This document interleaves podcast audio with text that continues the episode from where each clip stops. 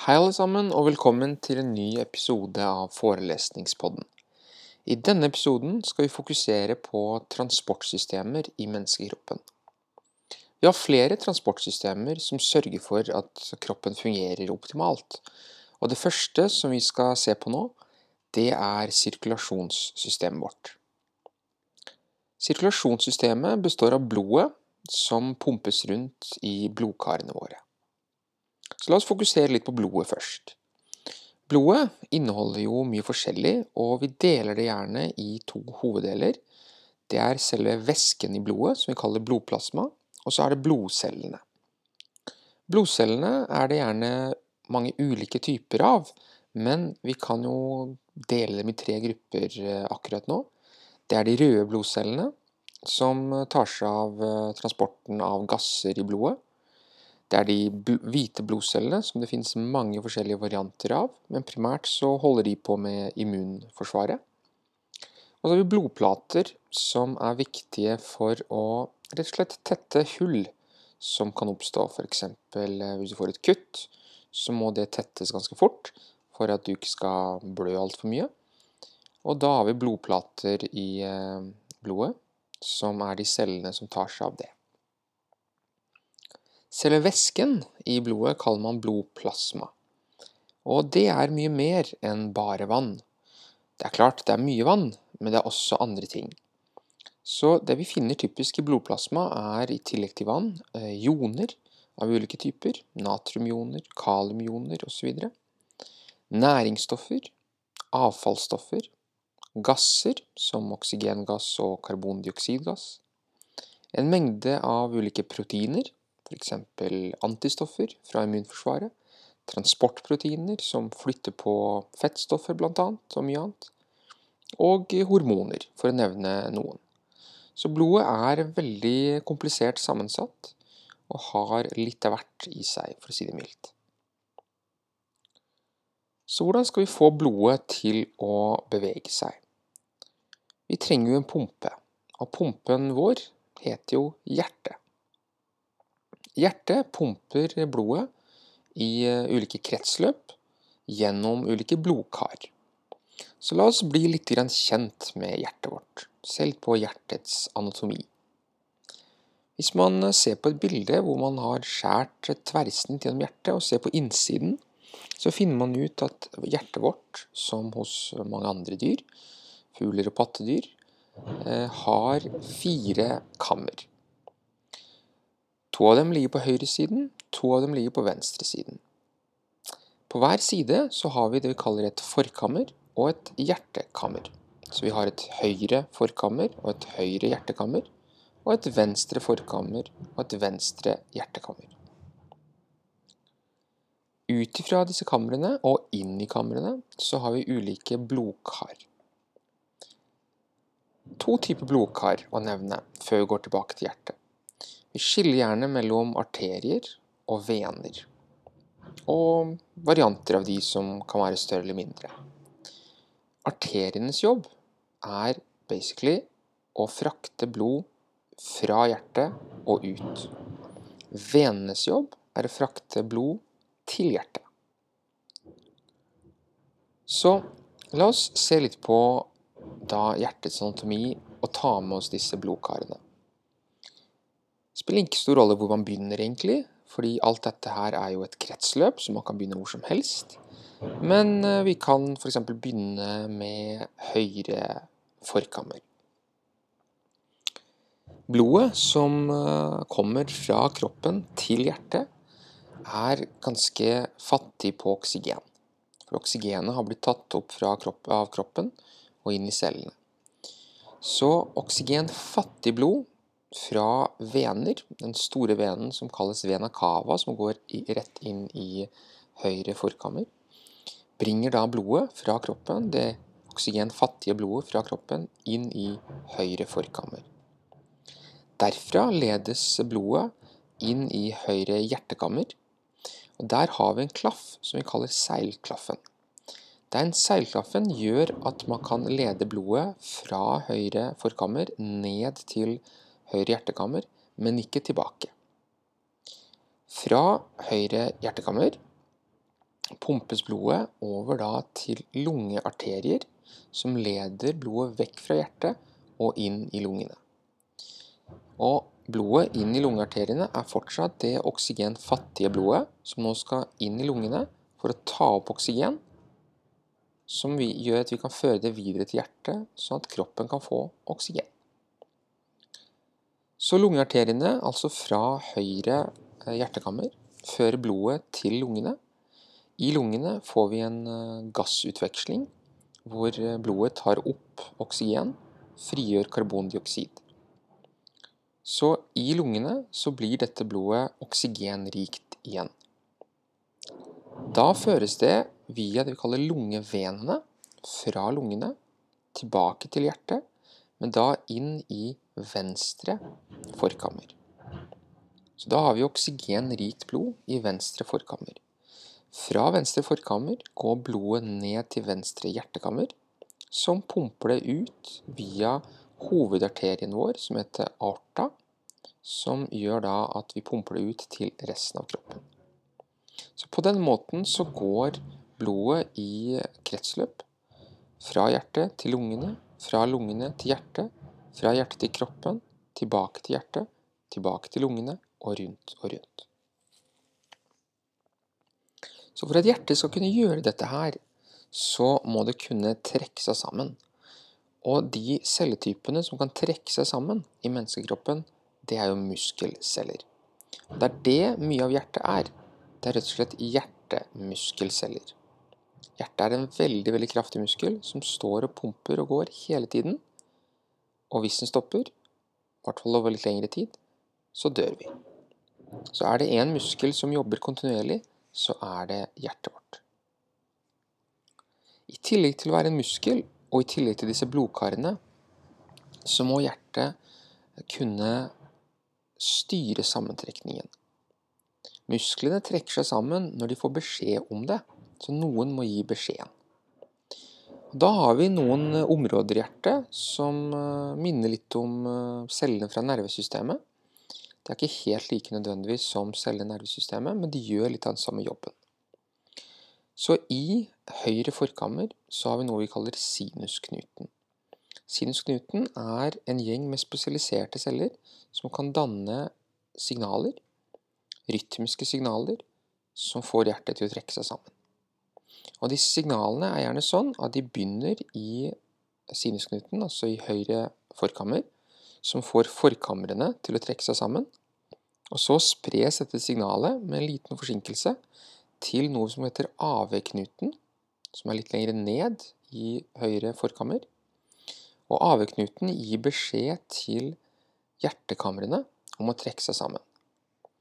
Og Det er litt viktig med koordinering her. Det er viktig at forkamrene trekker seg sammen først, presser blodet inn i hjertekamrene, og at hjertekamrene trekker seg sammen etter det og presser blodet ut av hjertet. Ikke sant? Hvis du får en feil der, at eh, det skjer i feil rekkefølge, så går det gærent. I tillegg til det vi har pratet om nå, så er det en ting til som er verdt å legge merke til. Hjertet er jo celler, og celler trenger også næring. Så hjertet trenger også næring. Oksygengass, næringsstoffer, bli kvitt avfallsstoffer, alt sånt. Så på hjertet, på utsiden, så har vi noe, noe vi kaller kransearterier. Og kransearterier de stammer fra hovedarterien i hjertet, aorta, og de forsyner hjertet med næring. Og de er kjempeviktige, for uten næring så vil hjertemusklene dø, og da vil hjertet slutte å pumpe. Når man får hjerteinfarkt, så er problemet ofte i disse kransearteriene at de får en fortetning som gjør at blodet ikke strømmer gjennom den, og at eh, hjertemuskulaturen tar skade, og i verste fall så kan det gjøre at eh, du dør. Så det var litt om hjertets anatomi og eh, hvordan det fungerer til en viss grad. Jeg sa at sirkulasjonssystemet er kretsløp. Og det er egentlig ikke ett kretsløp, det er to kretsløp. Man kaller gjerne det lille kretsløpet eller lungekretsløpet, og det store kretsløpet eller kroppskretsløpet. Så noe av det jeg sa i stad, skal jeg gjenta nå, bare for å sette det litt i sammenheng med disse nye begrepene våre. Så det lille kretsløpet er det du har som starter i da høyre hjertekammer, der det oksygenfattige blodet pumpes ut av hjertet til lungene, og fra lungene, når blodet har fått oksygen tatt opp, tatt opp i lungene, går dette blodet til venstre forkammer og ned til venstre hjertekammer. Så du kan si at det lille kretsløpet er den biten der. Så har du det store kretsløpet, eller kroppskretsløpet, som starter da, kan du si, i venstre hjertekammer, der blodet presses ut gjennom arta og viderefordeles til resten av kroppen. Og her har vi en viktig ting å få med. Dette gjelder for så vidt både det store og det lille kretsløpet. Men la oss ta det med det store kretsløpet. Så når det oksygenrike blodet strømmer ut til aorta, så fordeles det ut til mange, mange ulike arterier rundt omkring i kroppen. Og Poenget er at disse arteriene skal forsyne alle kroppens celler med næring, oksygen, samtidig ta opp avfallsstoffene fra cellene. Siden det er mange celler i kroppen, så må vi nå ut til alle sammen. Og det klarer kroppen fordi arteriene forgrener seg ut i kroppen til bitte, bitte, bitte små, tynne blodårer som vi kaller kapillærer. Kapillærer er virkelig hårtynne blodårer som finnes så å si overalt, og er i, i nærheten av så å si hver eneste celle i kroppen. I kapillærene får vi utveksling av stoffer mellom blodet og cellene. Og det som skjer, det er at cellene tar opp næringsstoffer, f.eks. glukose, aminosyrer og oksygen fra blodet inn til seg.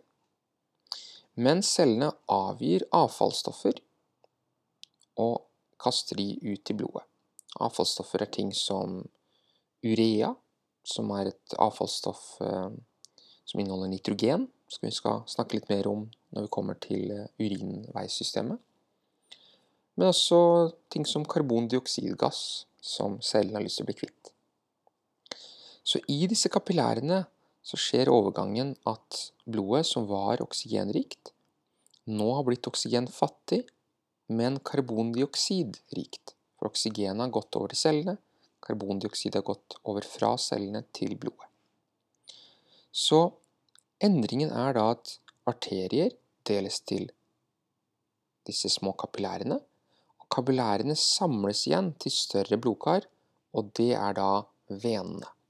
Så du går fra arterier, egentlig da til tynne arterier som kalles arterioler, til kapillærer, til tynne vener som kalles venoler, og til da større vener som fører da blodet tilbake til eh, hjertet, tilbake til høyre forkammer osv.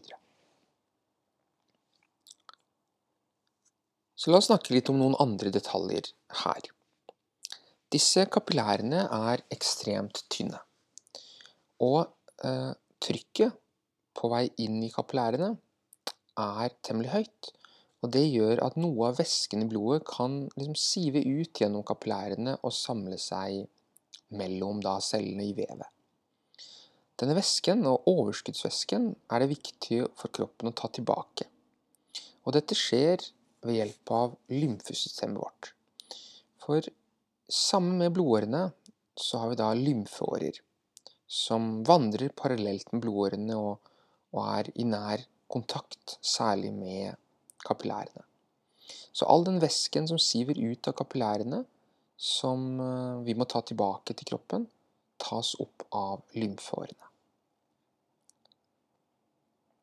Denne væsken tilbakeføres også til blodet et annet sted seinere, hvor lymfesystemet drenerer inn i eh, blodet, sånn at eh, væskebalansen opprettholdes. Lymfesystemet har også mange andre roller, særlig i forbindelse med immunforsvaret.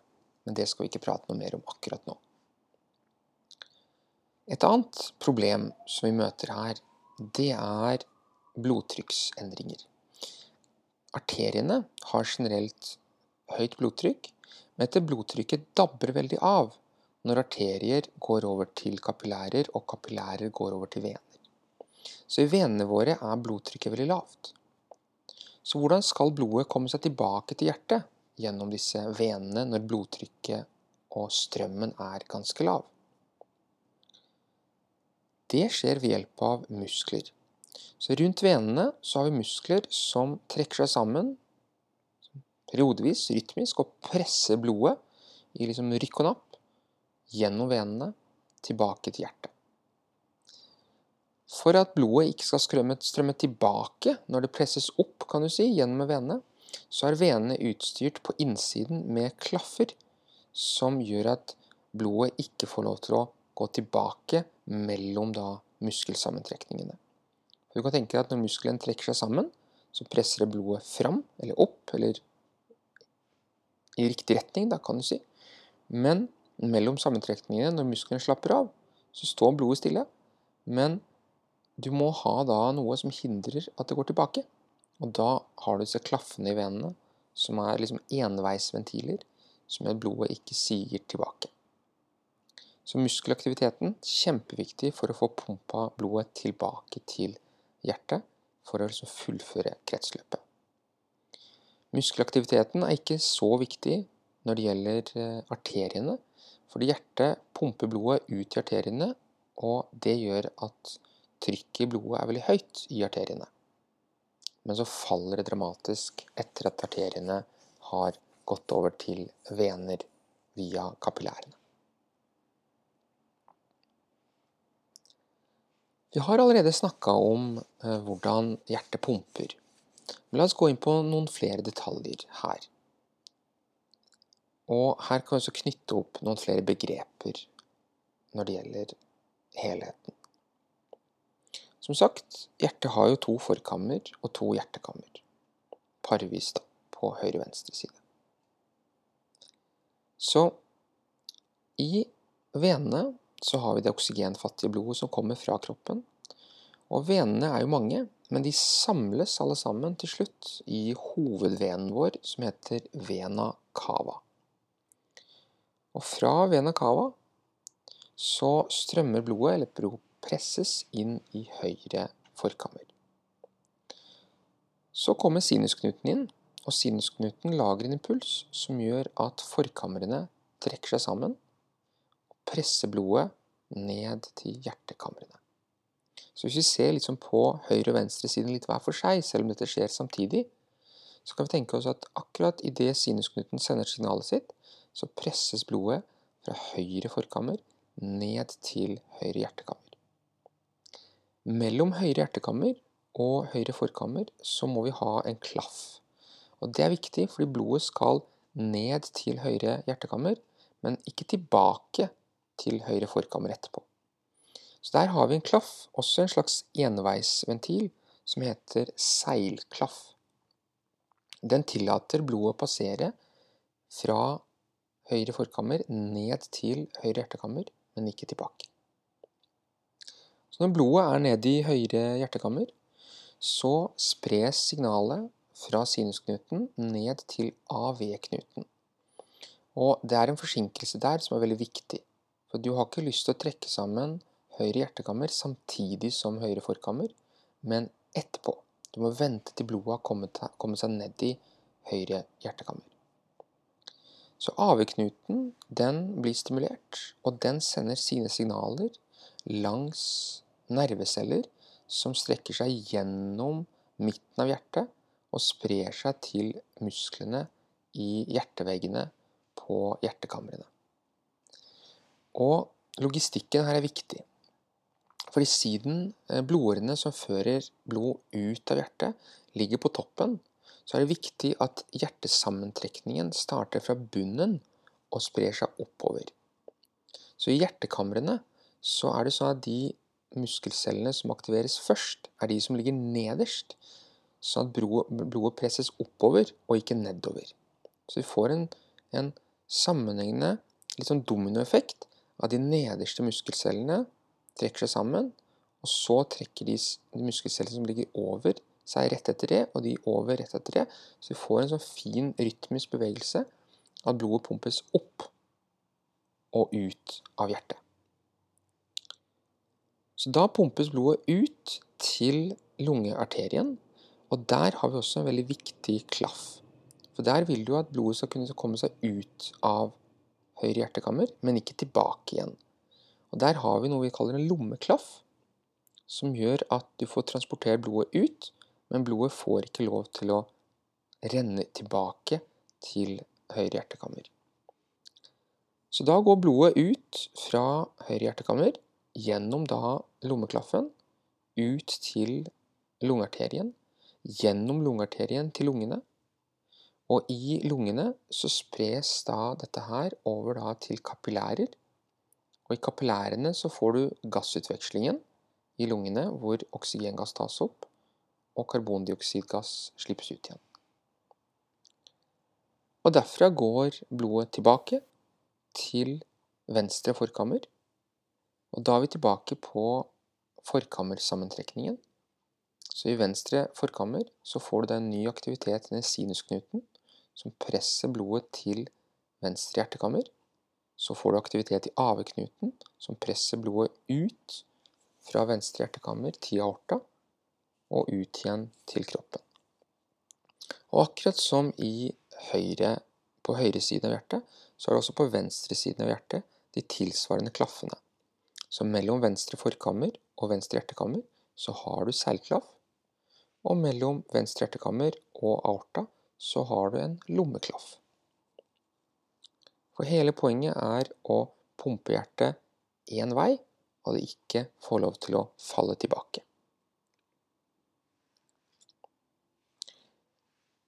Sinusknuten, som vi har vært inne på flere ganger nå, setter jo rytmen for hjertesammentrekningene. Men for kroppen så er det veldig viktig å regulere dette her. For ulike aktiviteter og ulike aktivitetsnivåer krever ulik mengde med oksygen og blodstrøm til de ulike organene. F.eks. når vi løper, må vi ha mer blod til musklene enn når vi sitter stille. Når vi er i en situasjon hvor vi må reagere raskt på noe, så må vi ha mer blod og mer blodtilførsel til musklene, mer oksygen til musklene, så noen ganger så må vi rett og slett regulere hjerterytmen opp, sånn at hjertet slår fortere og kraftigere. Dette er noe som går egentlig ganske fint automatisk av seg selv i kroppen. Det er ikke noe vi må tenke over. Det er heller ikke noe vi har så veldig mye kontroll over. Det er vanskelig å sitte og tenke og fortelle hjertet sitt du, nå skal du pumpe fortere. Så vi har da autonome prosesser som gjør dette her.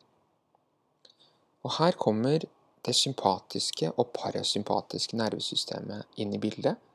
Så de delene av det såkalte autonome nervesystemet som eh, får ting gjort uten at vi trenger å tenke på det. Og det sympatiske nervesystemet vil jo være typisk det som øker hjertefrekvensen og pumpevolumet til hjertet. Det skjer på to måter, som eh, oppnår egentlig samme effekt. og og gir en slags økt effekt da, når begge to uh, utføres samtidig. Og begge styres av det sympatiske nervesystemet. Så det er sånn at det sympatiske nervesystemet har direkte koblinger inn på hjertet, og kan da ved å skille ut nevrotransmitteren noradrenalin få hjertemusklene til å trekke seg sammen oftere og kraftigere. Så det er en slags direkte kobling. Men så finnes det også en indirekte kobling som involverer hormonsystemet vårt også. Så det sympatiske nervesystemet kan da sende signaler til binyrene våre ved å stimulere de med noradrenalin, for å få binyrene til å skille ut hormonet adrenalin. Og adrenalin vil også da med blodbanen gå til hjertet og stimulere hjertet til å trekke seg sammen fortere eller oftere og kraftigere. Så aktivitet i det sympatiske nervesystemet vil typisk øke hjertefrekvensen og slagvolumet, som man kaller det, hvor mye blod som pumpes ut fra hjertet. I motsatt fall, når kroppen skal dempe, dempe hjerteaktiviteten, så aktiveres da det parasympatiske nervesystemet, som klarer å senke pulsen og senke hjerterytmen. Så én måte å regulere dette på, er jo å regulere hjertet. Mer hjerteaktivitet, blodet pumper fortere, mer oksygen til, til, eh, til musklene, osv. Men man kan også, i tillegg til dette her, eller istedenfor, regulere blodårene. Og her særlig da arterier og arterioler. For rundt arterier og arterioler så er det muskelceller, altså glatte muskelceller. Og de kan da enten trekke seg sammen og snevre inn arteriene og arteriolene, eller slappe av så de utvider seg. Så for eksempel, da. Eh, I enkelte situasjoner så ønsker kroppen å, å redusere blodstrømmen til enkelte organer. Typisk eksempel er i situasjoner hvor du må reagere fort, i stressituasjoner, så ønsker vi å redusere blodstrømmen til fordøyelsesorganene, fordi fordøyelse er ikke så veldig viktig der og da. Og da vil det være sånn at aktivitet i det sympatiske nervesystemet, dette systemet som aktiveres i stressituasjoner, vil da sende signaler til muskelcellene rundt arteriene, rundt da eh, fordøyelsesorganene, tarmen blant annet, om å trekke seg sammen, snevre inn de arteriene og arteriolene, og redusere blodstrømmen. For når diameteren til eh, blodkarene reduseres, så reduseres blodstrømmen. Og da kan du prioritere å, å bruke blodet andre steder, sånn at de delene av kroppen som ikke trenger, som ikke er så veldig viktig akkurat der og da, får litt mindre blod. Ikke så mye at de tar skade av det, men mindre, sånn at andre viktigere organer kan heller få mer blodstrøm. Så nervesystemet kan på den måten regulere blodstrømmen veldig sånn selektivt til ulike organer. Man kan også regulere blodstrømmen mer lokalt av faktorer som som påvirker bare ett område uten at nervesystemet nødvendigvis er involvert. F.eks. temperatur, lav pH, lite oksygengass er tegn på at vi må øke blodstrømmen i et område. Så det, Sånne lokale signalfaktorer vil kunne få arteriene og arteriolene i områder hvor, hvor disse, disse faktorene er ikke optimale til å utvide seg sånn at blodstrømmen blir større. Så vi får mer friskt blod til området. Andre molekyler kan også få dette gjort. Eh, dette er særlig viktig i forbindelse med immunforsvaret. Vi har stoffer vi kaller histaminer. Histaminer vil typisk utvide blodårene, så du får mer blodstrøm til et område. Særlig hvis det er et skadd område og immunforsvaret vil inn og reparere, så skilles det ut histamin for å utvide blodårene, så at mer av blodet strømmer til, flere hvite blodceller strømmer til, som gjør at skader kan repareres. Så både nervesystemregulert blodstrømregulering og lokalfaktorregulert, kan vi kalle det, er mulig. Vi har flere ganger nå nevnt oksygenopptak i lungene. Og blodet er veldig viktig for den prosessen. Men blodet må komme i kontakt med oksygenet. Og til det så har vi vårt respirasjonssystem, lunger, som den viktigste delen av det. Så la oss snakke litt om det. Man kan ikke snakke om, om uh, sirkulasjonssystemet på en tilfredsstillende måte uten å ta med respirasjonssystemet de jobber tett sammen om å utføre oppgavene sine. Så respirasjonssystemet vårt består jo av flere deler. Lungene er jo åpenbart en sentral part, men det er mer enn det også. For å få luft ned til lungene, så har vi et luftrør. Luftrøret vårt, når det kommer litt nedover i kroppen, nedover i, gjennom halsen og nedover mot lungene, begynner å dele seg i mindre rør når det kommer da i lungene, og de rørene kaller man bronkier. Bronkene deler seg i mindre og mindre rør, og etter hvert går over til ganske så tynne rør som vi kaller bronkioler. Det er et viktig skille her rent anatomisk og for så vidt fysiologisk mellom bronkier og bronkioler. Det er ikke bare størrelsen det kommer på, selv om bronkiolene er tynnere og, og liksom mindre enn bronkiene. Så er det andre viktige ting. Bronkier har alle sammen brusk rundt seg. Små bruskringer, og mellom disse bruskringene så har vi glatte muskelceller som kan styres, sånn at vi kan regulere eh, diameteren på bronkiene. Bronkiolene har ikke dette. Bronkioler mangler brusk og er rett og slett tynne rør hvor lufta kan passere. I enden av alle disse tynne, små bronkiolene så kommer vi til det vi kaller lungeblærene. Eller alveolene, som de heter så fint. Og det er der selveste gassutvekslingen skjer. Så vi har kjempemange alveoler i hver lunge, og inni dem så har vi kapillærer som bringer da Eller vi har vener som, som går da over i kapillærer, som går over til uh, arterier. Og i disse kapillærene, det er der gassutvekslingen skjer.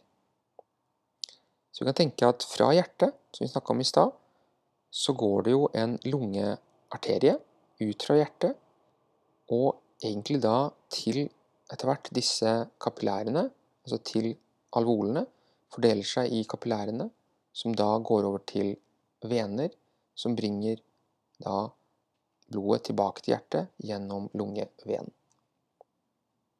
Og i kapillærene, som sagt, så skjer gassutvekslingen. I tillegg til dette her, så finner man jo andre ting som er viktig for respirasjonssystemet. Lungene må jo fylles med luft, og det krever muskelaktivitet. Og de to viktigste tingene her, det er mellomgulvet, som er en dedikert muskel for pusting.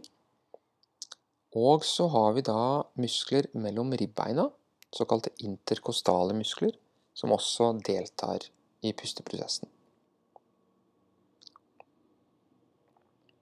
Så hvordan skjer inn- og utpusting? Inn- og utpusting kaller man med et fellesnavn for ventilasjon. Så når vi puster, så ventilerer vi lungene, sier man. For å skjønne det, så må vi snakke litt om gasser og bevegelse av gasser. Så normalt så er det slik at gasser beveger seg fra et sted med høyt trykk til et sted med lavt trykk.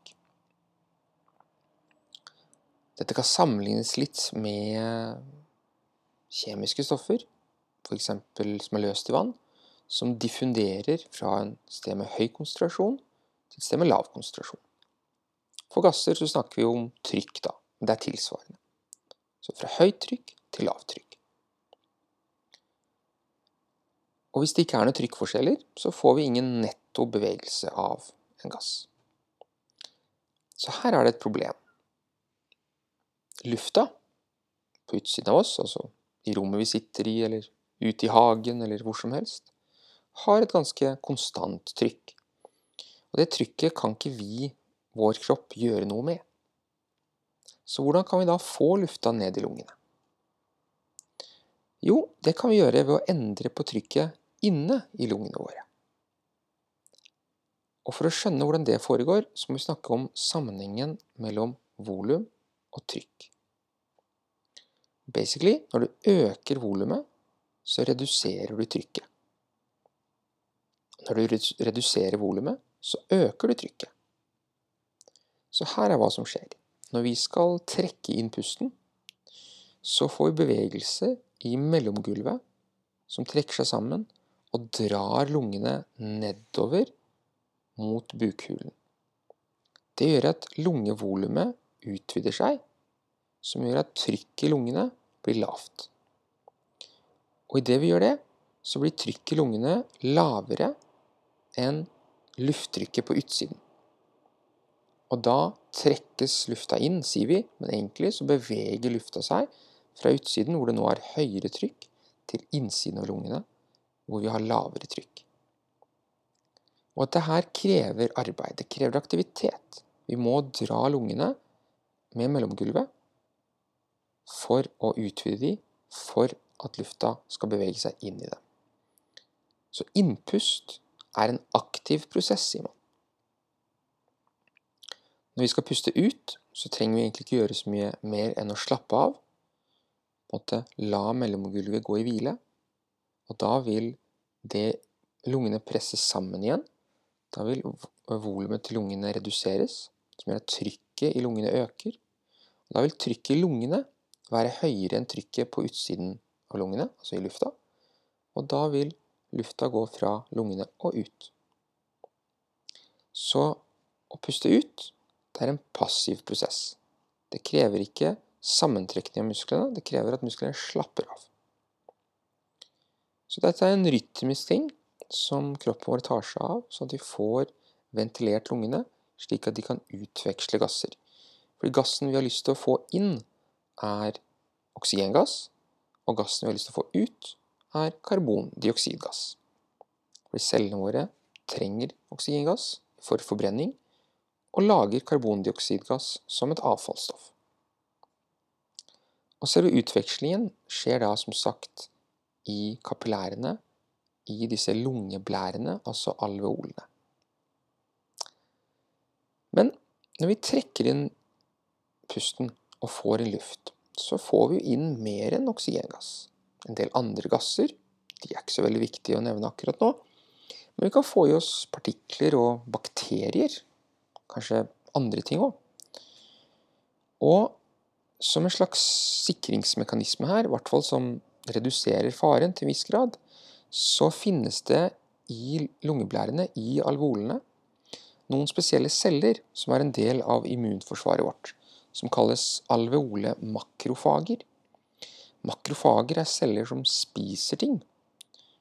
De fagocyterer, sier man. Så det er celler som kan spise opp bakterier eller andre små partikler og fjerne de fra lungene, sånn at vi får i hvert fall mindre risiko for sykdom enn om vi ikke hadde hatt disse makrofagene. Så ganske smart evolusjon der, og rett og slett ha immunforsvarets celler stående klare i det området hvor vi er veldig eksponert for omgivelsene når lufta fra omgivelsene kommer inn til lungene våre. Så de står og vokter og tar seg av mye hvis det kommer inn noe vi ikke ønsker å ha, som kan gi oss sykdom eller andre skader. Ok, så hvordan skjer denne gassutvekslingen? Vi har allerede vært inne på at blodet kommer jo til lungene, til lungeblærene, fra hjertet. Først fra hjertet, altså fra lungearterien, som da fordeler seg i massevis av kapillærer i lungeblærene. Og lungearterien bringer med seg oksygenfattig, men karbondioksidrikt blod. Og Utveksling av gasser i kapillærene skjer da via diffusjon. Passiv transport, altså diffusjon. Siden det er høyere konsentrasjon av oksygengass i lufta som vi trekker inn i lungene, enn i blodet, så vil oksygengass diffundere i blodet og binde seg til et veldig viktig bærermolekyl. Her kommer de røde blodcellene inn i bildet, og inni dem så har vi proteinet hemoglobin, som med sine jernioner kan binde oksygen og frakte det videre. Karbondioksid derimot, som nå har en høyere konsentrasjon i blodet, som kommer til lungene, enn konsentrasjonen vi har i lungene, i lufta vi har trukket inn, gjør at karbondioksid diffunderer ut av blodet og inn i lungene, og pustes da ut seinere. Når disse kapillærene i lungene, altså i lungeblærene, går over til vener, så går de tilbake til hjertet gjennom lungevenen, inn i etter hvert hjertets uh, venstre hjertekammer og ut i blodet. Pumpes rundt i blodet. Går over i kapillærer igjen og møter av kroppens celler der vi får en ny gassutveksling. Der går oksygen fra det oksygenrike blodet over til cellene. Karbondioksid går fra cellene inn i det karbondioksidfattige blodet. Og så går dette videre tilbake til hjertet, til lungene og rundt og rundt. La oss få med oss noen detaljer her. Transport av oksygen skjer hovedsakelig i form av at oksygen binder seg til hemoglobin i de røde blodcellene og fraktes rundt. Transport av CO2 er litt annerledes. Noe CO2 transporteres på hemoglobin, men mesteparten løses opp i blodet på en bestemt måte.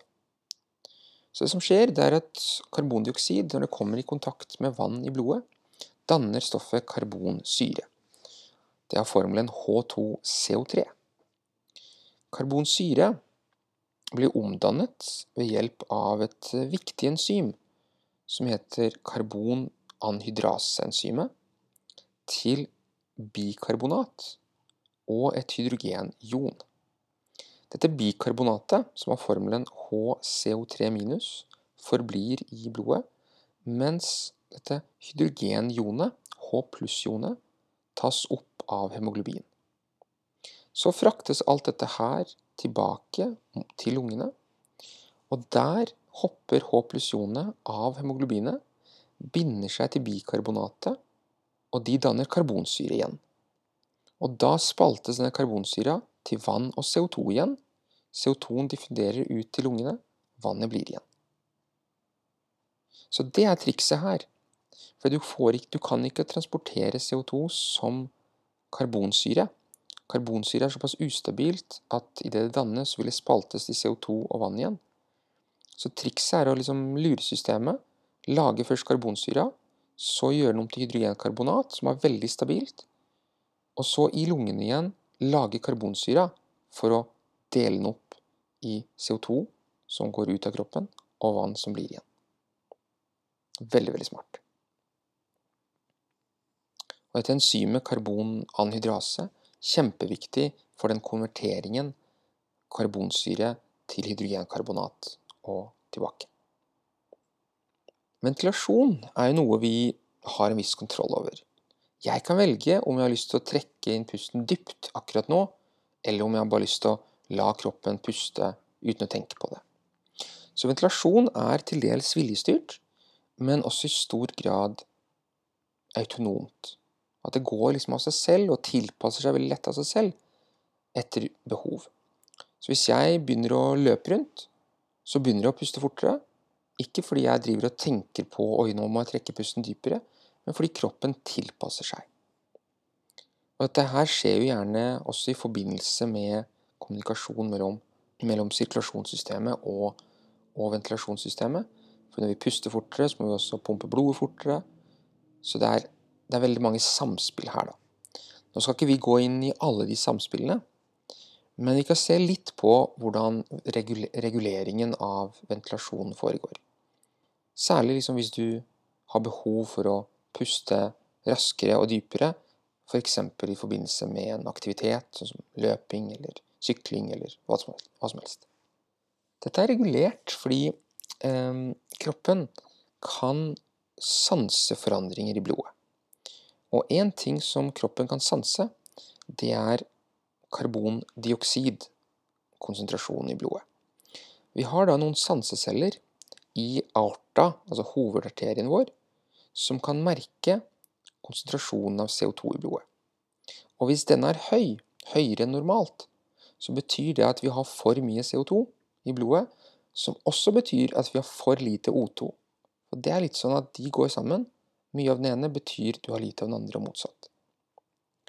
Så hvis CO2-mengden er for høy, så sendes det signaler fra aorta, fra de sensoriske cellene i aorta, til pustesenteret eller respirasjonssenteret som ligger i hjernestammen vår, i nervesystemet.